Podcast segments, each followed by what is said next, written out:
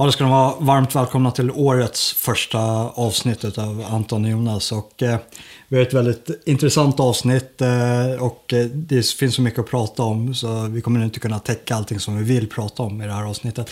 Men det finns en intressant sak för vi hade ju tänkt att vi skulle knyta ihop lite vad 2020 har att erbjuda. Och då finns det några så här, milstolpar som man gärna får med. Ett är ju ja, men corona, Eh, vi har The Great Reset som kan vara värt att prata om. Vi har den nya pandemilagen som trädde i kraft nu då. Men, så det, men det tillfaller eh, 2020 tycker jag mycket i och med att vi börjar närma oss övriga västvärlden när det kommer till det här. Vi har valfusket i Amerika.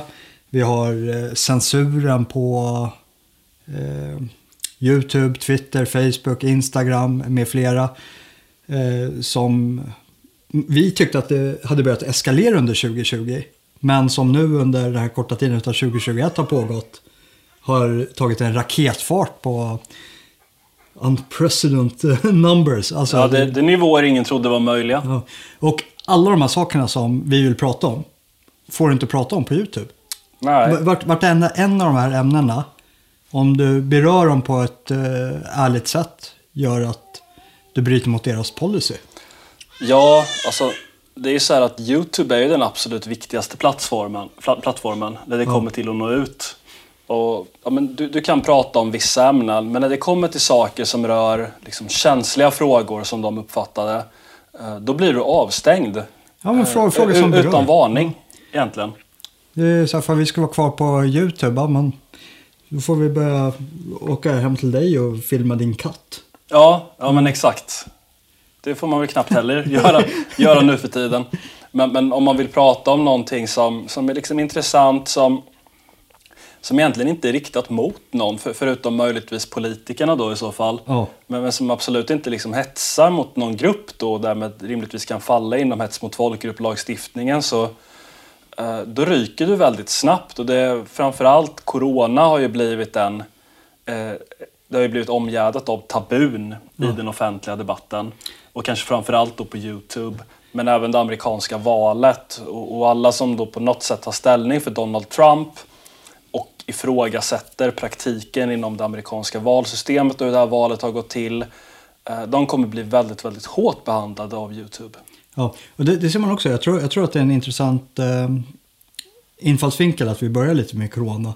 Men eh, vi, vi kommer nog hoppa lite för alla de här ämnena de är så sammanflätade. Mm. Det, går, det, går, inte att diskutera en sak av de här utan att diskutera alla andra. Det går inte att diskutera valfusket i USA utan att först problematisera corona. Vad, vad är det med corona som används som förevändningar för att eh, kunna påverka det här valet? Och eh, det går också in då på censuren över hur eh, de här big tech, eh, sociala mediejättarna försöker styra samtalet och den politiska diskursen för att eh, gynna den globalistiska agendan som framförallt eh, Demokraterna vill främja i Amerika. Just det. Ska vi, men om man ska få lite struktur i det här, ska vi börja med att prata lite om, om covid? Ja, ja men vi gör det. Det, här har ju varit, eh, corona har ju varit det största, den största enskilda händelsen under, och det, det liksom amerikanska presidentvalet har ju varit väldigt stort men det har ändå sträckt sig under en ganska begränsad period. Mm. Men covid har ju varit en följetong under hela året egentligen. Vi kan ju börja där covid började. Alltså den... Eh, vi vill ha struktur i det samtalet men det, det är så mycket som rör sig i huvudet så jag, jag, jag kommer hoppa. Du, du får vara ett ankare här ifall du tycker att det svävar iväg. Jag blev dödssjuk i november förra året. Alltså tre månader innan eh, corona kom till Sverige.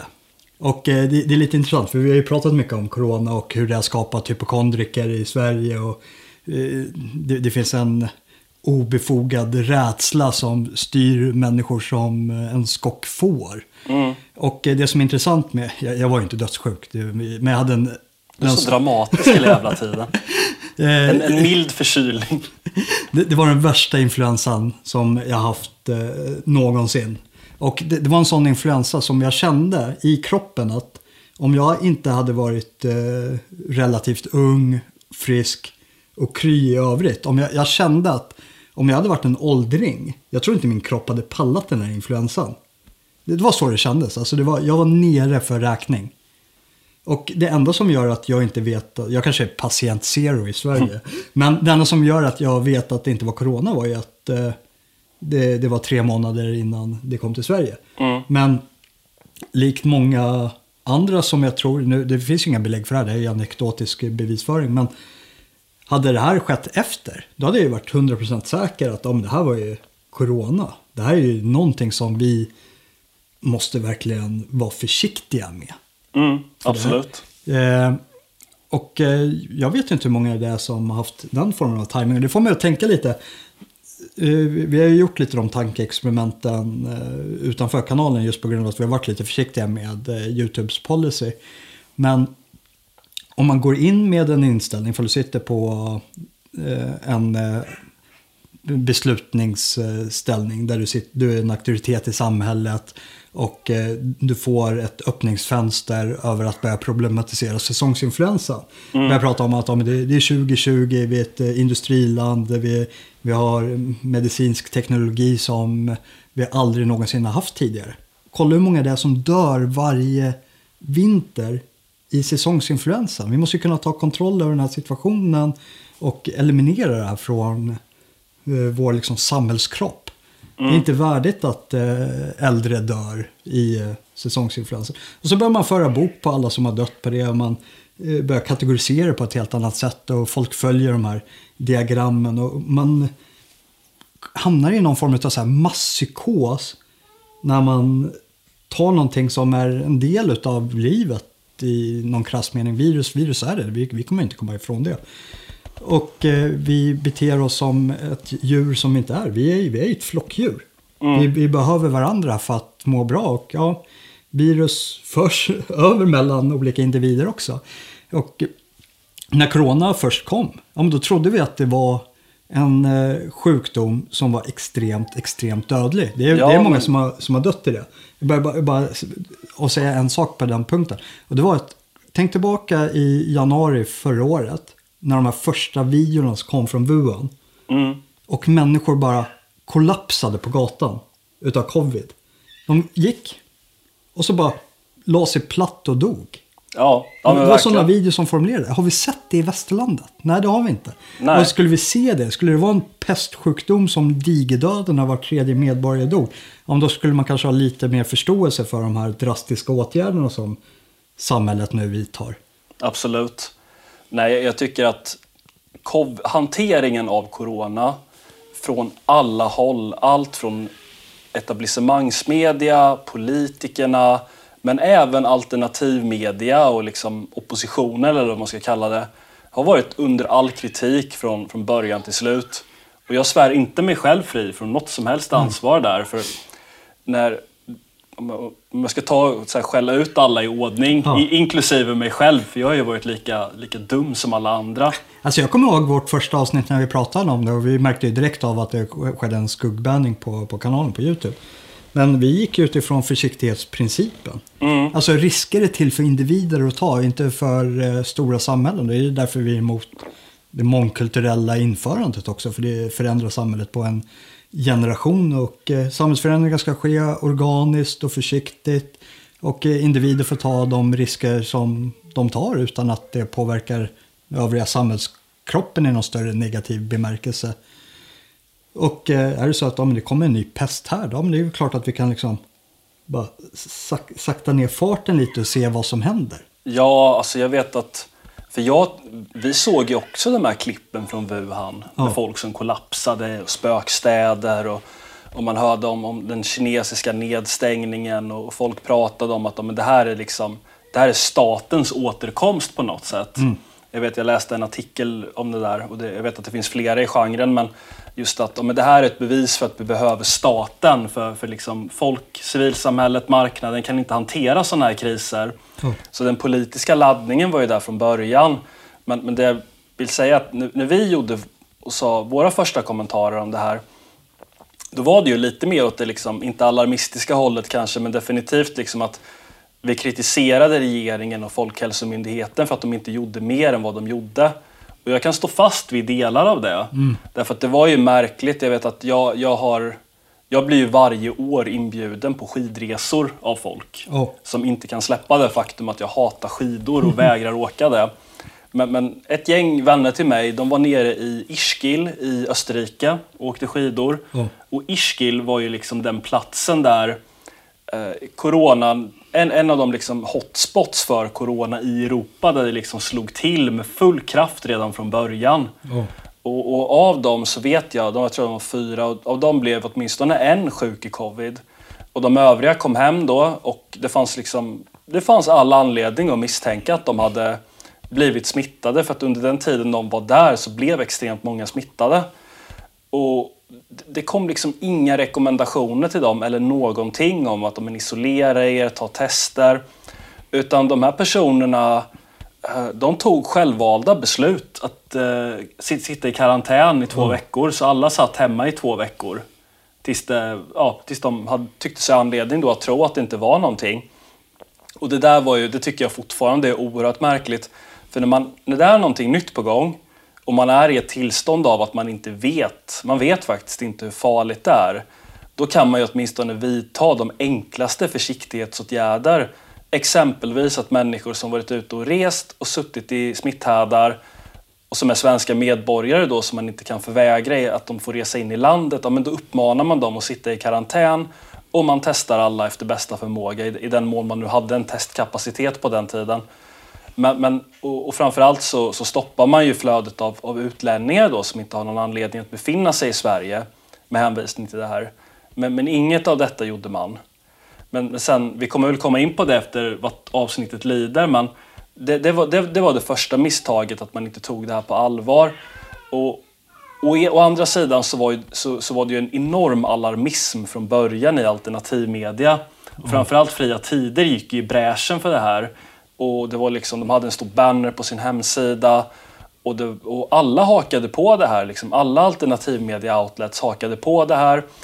Kanske inte liksom att man... Jag, jag, jag, tror att en som var väldigt tidig med att dra i handbromsen. För jag, del, jag delar din uppfattning att eh, det, det, blir så här märkligt förhållande. Och det är därför jag blir lite så oroväckande med den här pandemilagen som klubbas igenom också. Över hur man som opposition, nu menar jag inte att vi är gemensam sak med Moderaterna och KD i opposition mot eh, regeringspolitiken. Ja, det är vi och Folkpartiet ja, de, tillsammans. De, de, befinner sig i opposition rörande några skattesatser och några värdefrågor medan vi, vi är regimkritiker. Det går inte att göra riktigt en jämförelse mellan oppositionella i det avseendet. Men det, i, oavsett, alltså att som oppositionell vilja utöka maktbefogenheterna mot den regim som du vill eh, ska försvinna. Mm. Det, det, är för mig eh, obegripbart. Men, men vilka var det du tyckte var drog i nödbromsen? Eh, Dan Eriksson på Svegot. Jag tyckte att han var väldigt tidig med att... Eh... Ja, men det, det, får man nog säga. Jag, jag, tror att de också var med på tåget, eller man ska säga från början. Ja, initialt lite så här. Men, men, jag håller med om det. De, de svängde väldigt snabbt där. Och jag måste säga att jag tycker, jag uppskattar det som, som Dan framförallt har gått i bräschen för med att kritisera det här. Oh. Jag, jag, tycker, jag, jag har personligen uppskattat det väldigt mycket. Men det blev lite märkligt på något sätt och jag, jag tror att det handlar mycket om, inte att man hade betydande medicinska kunskaper utan att man, eh, man tog tillfället i akt att attackera regeringen helt enkelt. Oh. Det är ju väldigt tacksamt för att det, det såg ju ut som att men det här kan vara farligt och eh, regeringen gör ingenting, de, de, är väldigt flata i det här. Ja, men då, då, då tar vi chansen att kritisera dem för det och sätta dit dem för det här. Oh. Det, det, var väl det, men sen blev det ju en sorts... samtidigt i mainstream media så blev det ju en väldigt konstig... Eh, det blev lite den här, den här typen av patriotism som brukar uppstå under fotbolls-VM till exempel när alla ska heja på landslaget och vifta med svenska flaggor. Ja. Fast den här gången så skulle man vifta med flaggor för den svenska coronastrategin. Mm. Och det var folk som tatuerade in Anders Tegnell på sina kroppsdelar. Och, och man, liksom man fick inte kritisera det här och det var en väldigt stark konjunktur i mainstream media om att ja, men strategin är jättebra, det är, det är, inget farligt, det är inga som dör och så vidare. Det är, inte mer, det är inte värre än vanligt, vi behöver inte vara oroliga, Tegnell och regeringen har det här. Och sen blev det ju en, totalt mod, en total vändning verkligen. inte över en natt kanske, men, men över ett par veckor eller månader där narrativet i mainstream-media blev att nu är det panik som gäller. Ja. Folk dör, det här är fruktansvärt.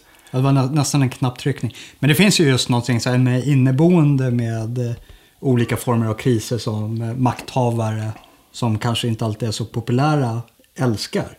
Och det är just att det verkar vara ett ganska utbrett mänskligt fenomen att om en kris sker som uppfattas som att ja, men här står det verkligen världen mot världen. Att, ja, men då sluter man samman som grupp och man sluter upp eh, under ledarskapet och man rider ut det och så återfås förtroendet då till ledarskapet. Och sen kan ju det försvinna och sen när krisen har lagts. Ett tydligt sånt exempel är ju med Winston Churchill som hela Storbritannien slöt upp under självaste kriget men han blev inte omvald i första valet efter.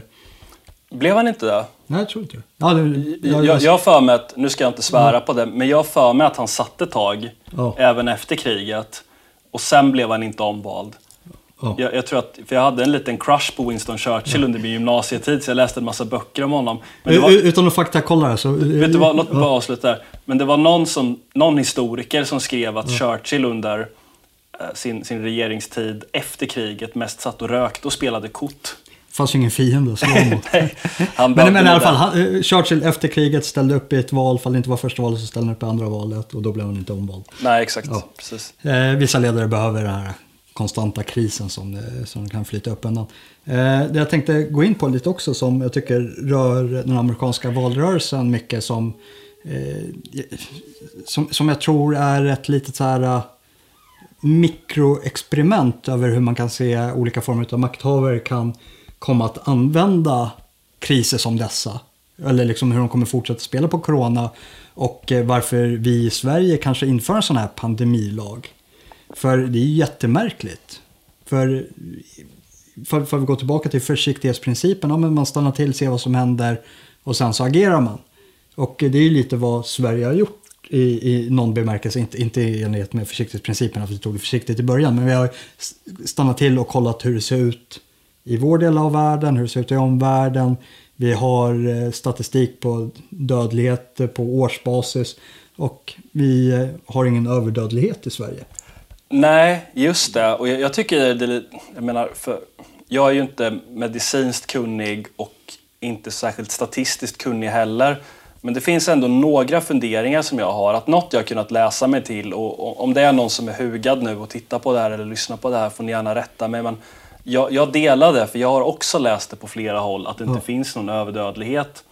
Och det får mig att ställa en fråga kring det här med hur man räknar antalet döda.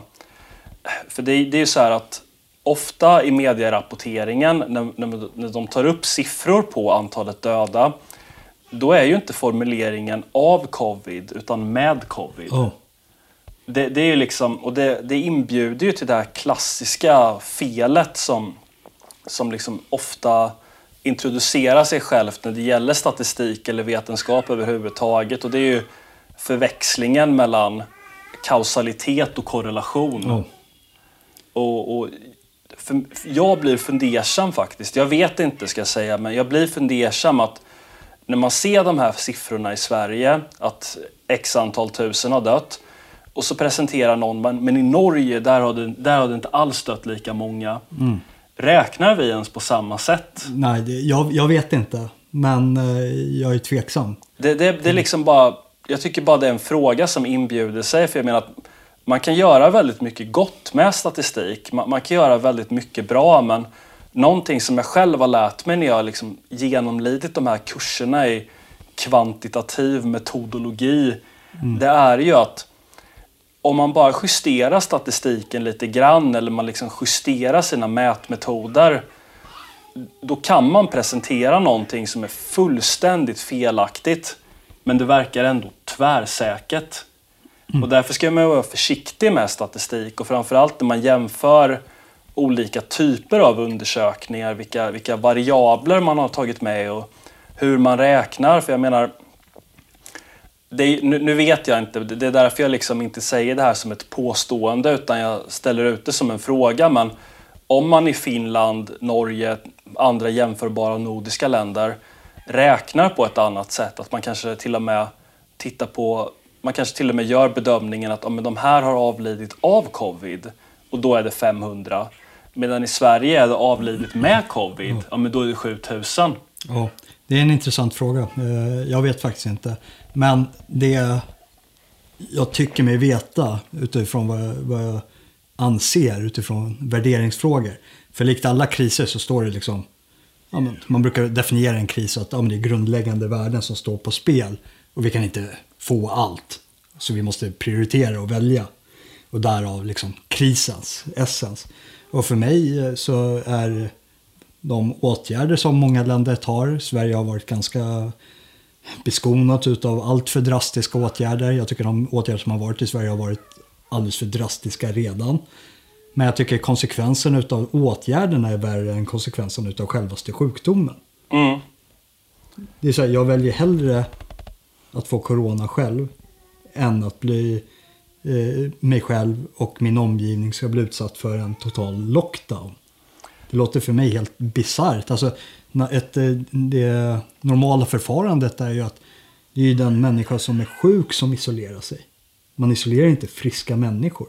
Nej, precis. Och så går man runt och eh, man hör eh, människor eh, ute på byn som pratar om att ja, men vi måste vänja oss vid det här nya normaltillståndet. Ja, och det, det är ju någonting som är intressant att notera rent liksom politiskt teoretiskt att om man tittar på kriser historiskt sett så är de ju en inkörsport för makthavare till ett nytt normaltillstånd. Att om man tittar på liksom avgörande historiska händelser, stora förändringar, krig och sånt där så, så föregås det ofta att saker som bryter mot det gamla normala och som aldrig hade kunnat införas annars. Det blir helt plötsligt acceptabelt eftersom makthavare kan hänvisa till en kris. Eh, Det är ju så här att eh, ett bra exempel är ju Pearl Harbor till exempel. Att den, har- det, det har ju kommit fram, liksom, inte nu på senare år, men, men man vet det för att man har väl tittat på dokument och att den amerikanska ledningen kände till att attacken mot Pearl Harbor var förestående. Men man valde aktivt att inte göra någonting med den underrättelseinformationen. Därför att man ville ha den attacken. Ja. Så man skulle ha en anledning att blanda sig i kriget. Och ett annat exempel är ju såklart att under många år så fanns det ju tankesmedjor som drog upp olika typer av strategier för eh, Eh, en amerikan, amerikansk intervenering i Mellanöstern. Eh, det finns, eh, jag kommer inte ihåg vad det heter, men, men det, finns ett, eh, det finns ett dokument som heter eh, Securing the Realm som, som man drog upp från en eh, amerikansk neokonservativ tankesmedja som bland annat involverade att man skulle attackera Irak, man skulle attackera Syrien och även Iran tror jag innan någon av de här attackerna ägde rum. Men inget av det här var ju tänkbart därför att stora delar, den amerikanska befolkningen vill inte ha krig och stora delar av liksom, det amerikanska ledarskapet hade blivit ganska avoga mot intervenering efter George Bush seniors äventyr i Mellanöstern. Men sen kommer 9-11 och då förändras allting. Och det finns en bok om det där som heter The Transparent Cabal som är skriven av en person som heter Steven Snigoski. Där han beskriver att dagen efter attacken mot World Trade Center så satte folk på Pentagon och CIA och och planerade invasionen av Irak. Ja. Så det, det, är liksom, det är så klassiskt i historien att makthavare använde de här kriserna för att initiera olika typer av projekt som inte hade varit acceptabla innan krisen. Nej, det, finns, det finns inget mer permanent än de här tillfälliga lagarna som uppstår i krisen. För du har ju den här maktfullkomligheten hos vissa auktoriteter att de ska släppa ifrån sig makt. Det, det gör man sällan frivilligt eller liksom välvilligt. Eh, Jag vill bara säga en sak med rörande med, för när man pratar om underrättelser, för man, eh, jag, vet, jag vet bara att det, det är någon som lyssnar och kommer re- reagera på det. Och eh, det är ju, man kan prata om så här typ information overload, att alla eh, de amerikanska underrättelsetjänsterna kände till att Pearl Harbor skulle hända. Det fanns säkert sån information på bordet. Men eh, på samma sätt som eh, svenska Säpo eh, hade kunskap om eh, de terrorister som har genomfört terrordåd i Sverige men inte har agerat eh, på samma sätt som franska underrättelsetjänster hade kännedom om eh, terroristerna i Frankrike och inte agerat. Det blir så här, ibland så sitter man på så mycket information så att det är svårt att veta liksom vad man ska göra av det i liksom analysstadiet samtidigt som man är bakbunden av, nu, nu kanske jag haltar lite exempel till Pearl Harbor, men... Du är en sån Roosevelt-lakej Nilsson.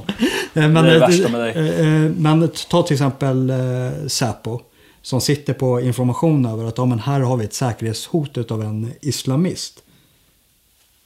Det, det, det är ett politiskt, eh, bak, de är politiskt bakbundna till att kunna förhindra det här terrorbrottet på grund av att våra politiker inte följer upp och utvisar sådana här människor.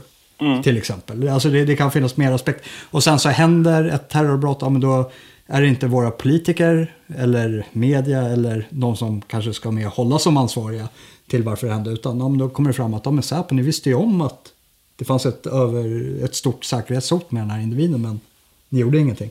Så det är ganska ofta så här, information finns på bordet men händelser ändå fortlöper. Och sen så blir det svårt att, ibland att dra, ja men sitter på ett, eh, någon, någon som vill ha en följdverkning som de kan agera på utifrån att låta informationen bara ligga. Bra poäng. ja, jag bara tänkte på att flika in. Men det, det som, eh, för, för vi inne på det här nya normala och hur det kan påverka. Jag tycker att eh, eh, corona och det amerikanska valet kan illustrera det ganska bra. Och då ser man, om få människor inte träffas. Om då kan man också skapa den här illusionen utav att om en presidentkandidat är väldigt, väldigt populär. Mm i Joe Biden. Ingen som kommer på hans möten. Ja, varför är det ingen som kommer på hans möten? Jo, för att de respekterar corona. De vill inte smitta sina medmänniskor. Det är ansvarsfulla medborgare. Förutom när de är ute och lever över med Black Lives Matter. Mm. Och så tvärtom då. Det är ju stor uppslutning med Trump och hans möten. Och det visar att det finns en enorm popularitet till Trump och hans idéer. Oavsett vad medierna säger. Men, eh, och på grund av att det är Trump som är president i Amerika, i alla fall i tio dagar till när vi spelar in det här, så har de inte infört sådana här eh, lockdowns. Men hade det varit omvänt att eh, Donald Trump var eh, oppositionskandidaten, ja men Joe Biden hade, det första han hade gjort är ju att eh, infört hårt lockdown, ja men du får hålla dina presskonferenser via de sociala medieplattformarna som sparkar, sparkar ut det därifrån. Mm. Nej, alltså det, det, så, så, då kan man skapa de här illusionerna över att ja, men idéer som ingen vill ha kontra människor som folk tycker om. Och så ser man hur det här accelereras sen. För ja, men då har vi enskilda individer, vi kan inte sluta upp samman och liksom demonstrativt visa att ja, men det finns kraft bakom de här tankarna, det finns kraft bakom den här personen, det finns kraft bakom de här idéerna. Och så blir vi isolerade öar som kommunicerar med de sociala medieplattformarna. Där man gör upprop i form av likes eller att man går med i någon grupp där. Men då är vi utlämnade på big tech. Mm. Som kommer styra det här innehållet också. Alltså vi blir väldigt lätta att eh, kontrollera som medborgare. Vilket då skulle kunna främja eh, den globalistiska agendan, vilket skulle kunna främja vad, vad, det här the great reset, skulle kunna främja allt form av eh, stävjande utav eh, informationsflöden som går emot det officiella etablissemangsnarrativet. Ja, det är en av de stora nackdelarna med tekniken, hur den ser ut just nu. Oh. Att det är så att det har uppstått ett antal stora monopol jag skulle nog gå så långt som att kalla Facebook, Youtube, Google med mera för naturliga monopol. Oh. Alltså att det, jag vet att vi har sagt det innan men det, det förtjänar att upprepas att alltså fördelarna med de här plattformarna det är ju inte att de är bäst. Du kan ju inte starta upp en ny plattform som är jättebra, eh, som är bättre liksom, om ingen är där. Nej.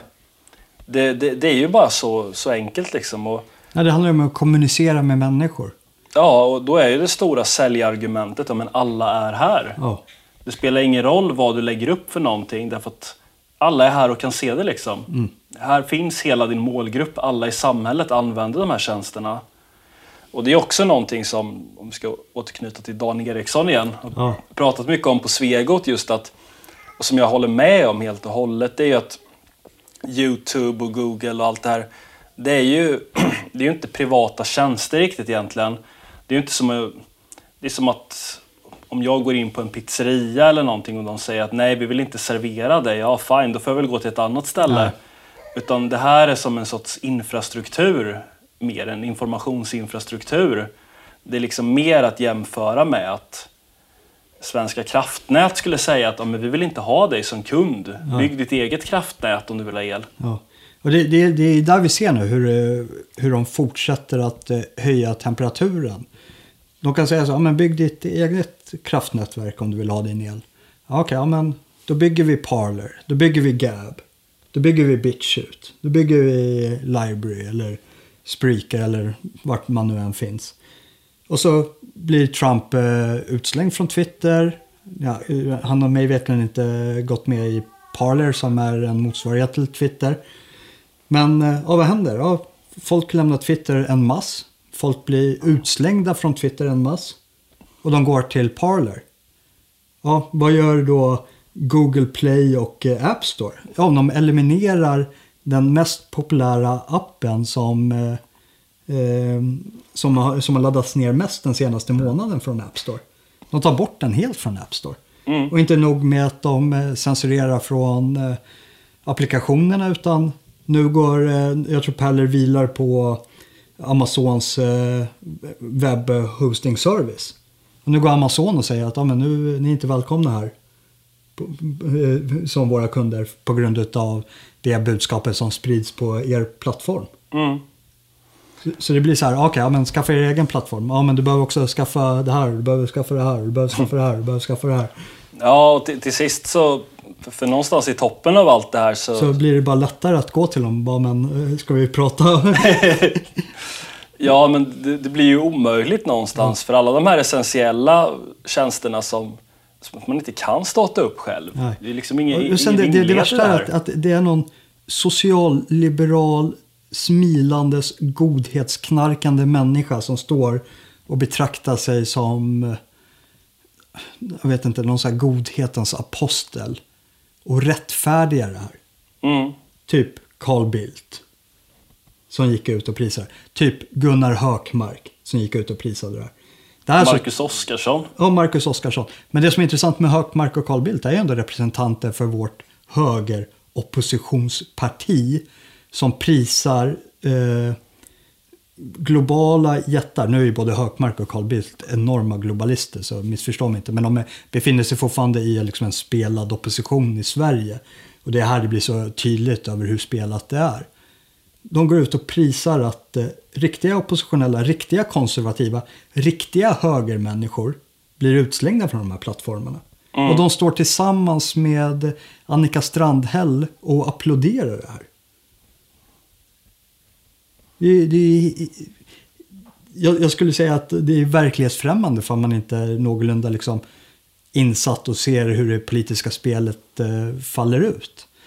Och eh, sen så försöker ju Strandhäll och eh, övriga socialdemokrater och miljöpartister försöka göra svensk inrikespolitik utav det som händer i Amerika då, där de jämställer Trump och eh, Trump-falangen inom Republikanerna med Sverigedemokraterna. Och, och eh, försöker få våra rhinos, för er som inte vet vad det är så är det de Republika det är ett tvåpartisystem i, eh, i Amerika. Så föreställ er att ja, men, vi har eh, det konservativa blocket i Sverige, nu existerar inte ett sånt block, men föreställ att Sverigedemokraterna, Moderaterna och KD hade varit ett konservativt block.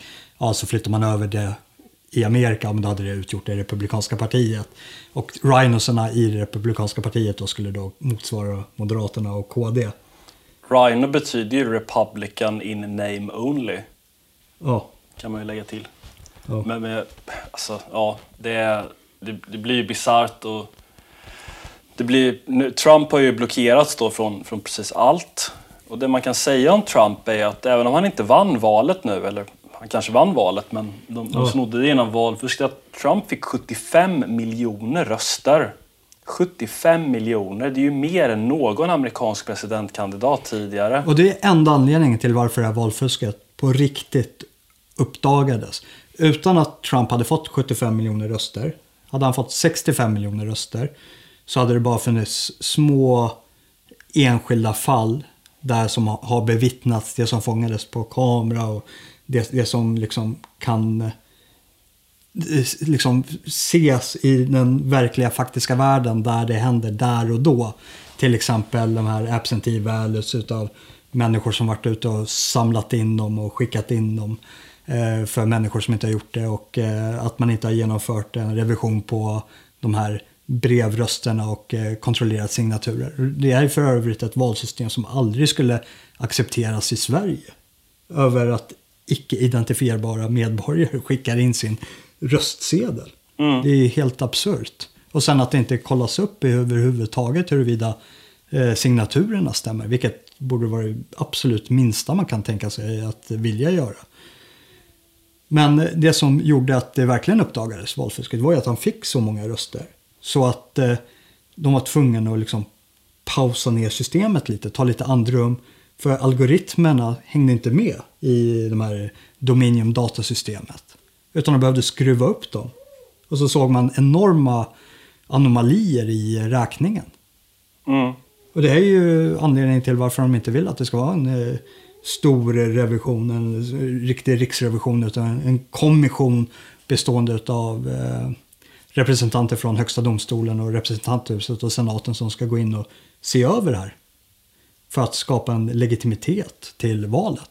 Och det handlar inte bara om att skapa en legitimitet ifall det är rätt eller fel, utan det handlar om att skapa en legitimitet hos de människorna som förlorade. För det är där någonstans eh, den legitimiteten måste vinnas för att man vill inte ha ett splittrat samhälle.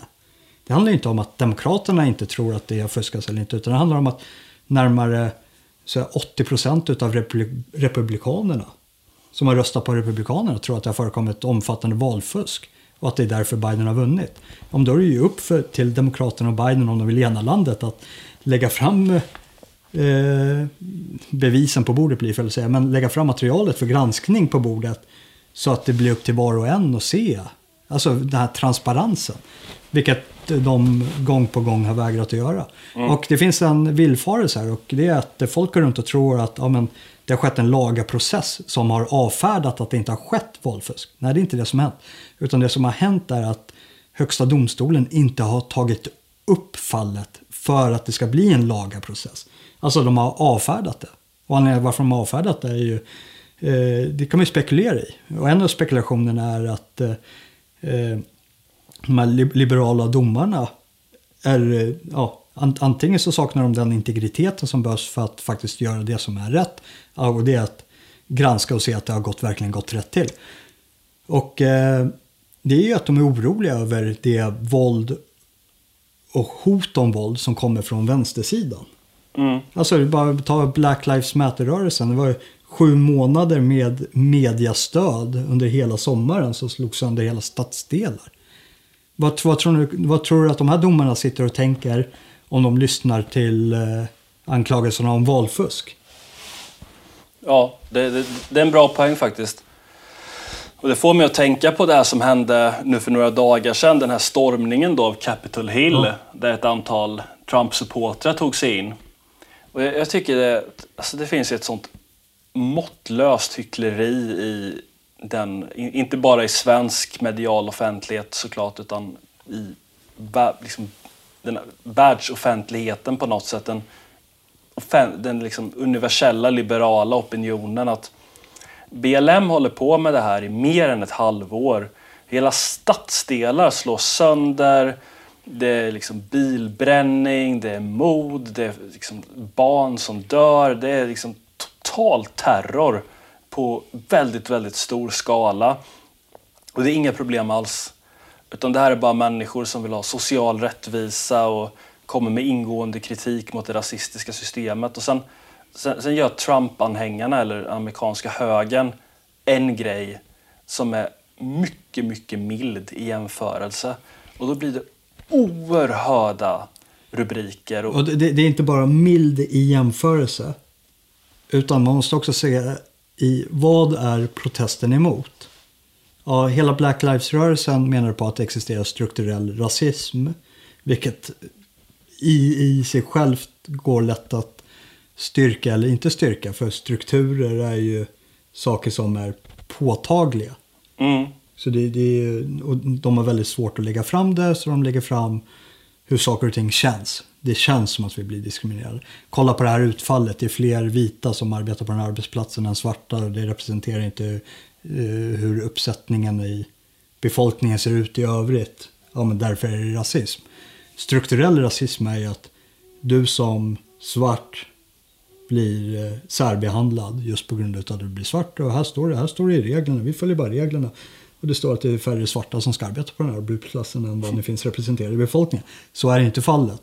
Eh, så det var det de protesterade mot. Och så fick det ju det liksom sitt startskott med George Floyd som, som avled i samband med ett gripande.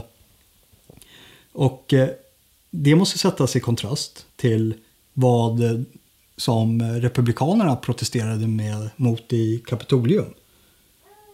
Vilket, vilket eh, är ett, för, för, att använda socialliberalers ord över hur de beskriver Trump, det, det är ett riktigt hot mot demokratin.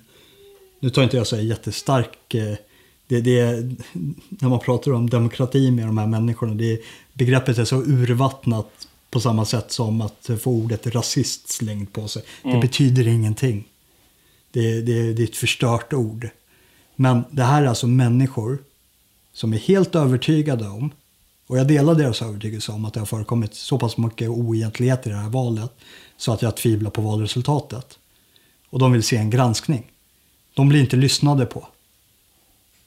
Och de tar till eh, det de gjorde. Och dessutom sätter det i kontrast till eh, BLM-rörelsen som eh, slog sönder hela stadsdelar och gav sig på små näringsidkare som försöker överleva med småföretag som fick hela verksamheten sönderslagen utav det Så var det några, några hundratusen Trump-anhängare som marscherade till Kapitolium varav några tusen tog sig in i byggnaden. Och de gick kvar i eh, de här Eh, de där röda repen. Ja, de här röda repen som leder eh, folket längs en matta i så här stora salar. Mm. Det, det, går inte att jämföra. Nej, nej, verkligen inte. Och det, det som kommer hända härnäst, vad jag tror, det är, det är att nästa stora demonstration kommer att vara i Silicon Valley. Mm. Det kommer inte vara Kapitolium de här människorna stormar in. Det kommer att vara i Facebooks kontor, Googles kontor och är det en arbetsplats, fall jag, fall jag var, eh, arbetade på ett, ett vanligt jobb. Jag skulle inte vilja arbeta för de här big tech-jättarna i den närmsta tiden som kommer. De, de är att betrakta som tjänstemän i, eh, i nästan ett diktatoriskt land. Det, det, är ingen skillnad eh, mellan dem och regimtrogna tjänstemän under, ja, för att ta ett socialliberalt eh, exempel som folk verkar gilla, under Gaddafi eller Saddam Hussein. Samma, samma skräp och korn. Mm. Eller det är inte för jag, jag, tycker inte att vi borde ha gått in vare sig i, i Irak eller Gaddafi. Så jag, tar, jag, jag ber om ursäkt för att jag sa att det var samma skrot och korn. De här människorna är mycket, mycket värre än människorna som arbetade för Gaddafi. Bra sagt. Ja. Ord att trycka på en t-shirt. ja, ni får citera mig på det. Eh, ja, eh, har vi någonting mer? Som, det, det, det, känns som att det finns mycket, mycket mer att säga om allt det vi har pratat om. Eh, så vi får nog anledning till att återkomma om, till det. Ja, man, man, kan väl säga att det här, det här året gick på något sätt i tre akter skulle man kunna säga. att Det, det inleds med, med corona oh. Och sen kommer eh, Black Lives Matters mm. och sen kommer amerikanska presidentvalet. Oh. Men, men, det är ju fjärde akten nu den totala deplattformeringen. Exakt, men det är på något sätt 2021 skuldkonto. Ja, det kan det, vi inte det, lasta det, 2020 för. Ja, 2021 inleds med det. Ja. ja. precis. Men jag skulle ändå vilja liksom, som avslutande kommentar, för att vara lite positiv, säga att det var ju jävligt skönt att det hände mycket så vi slapp höra om Greta hela tiden. För året där innan var det ju en Greta-fixering som var mm nästan, nästan pervers i hur intensivt det var bitvis. Oh. Men det, det, var faktiskt skönt att till och med medierna fick, fick liksom anledning oh. att prata om något annat. Mm.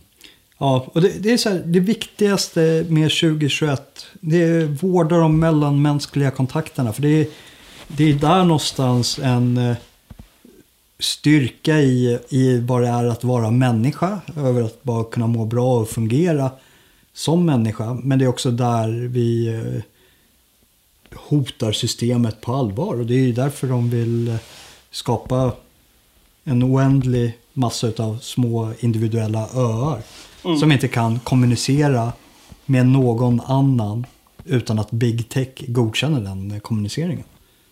Och det, det är en extremt oroväckande utveckling. Så se till att göra det ni kan för att motverka det.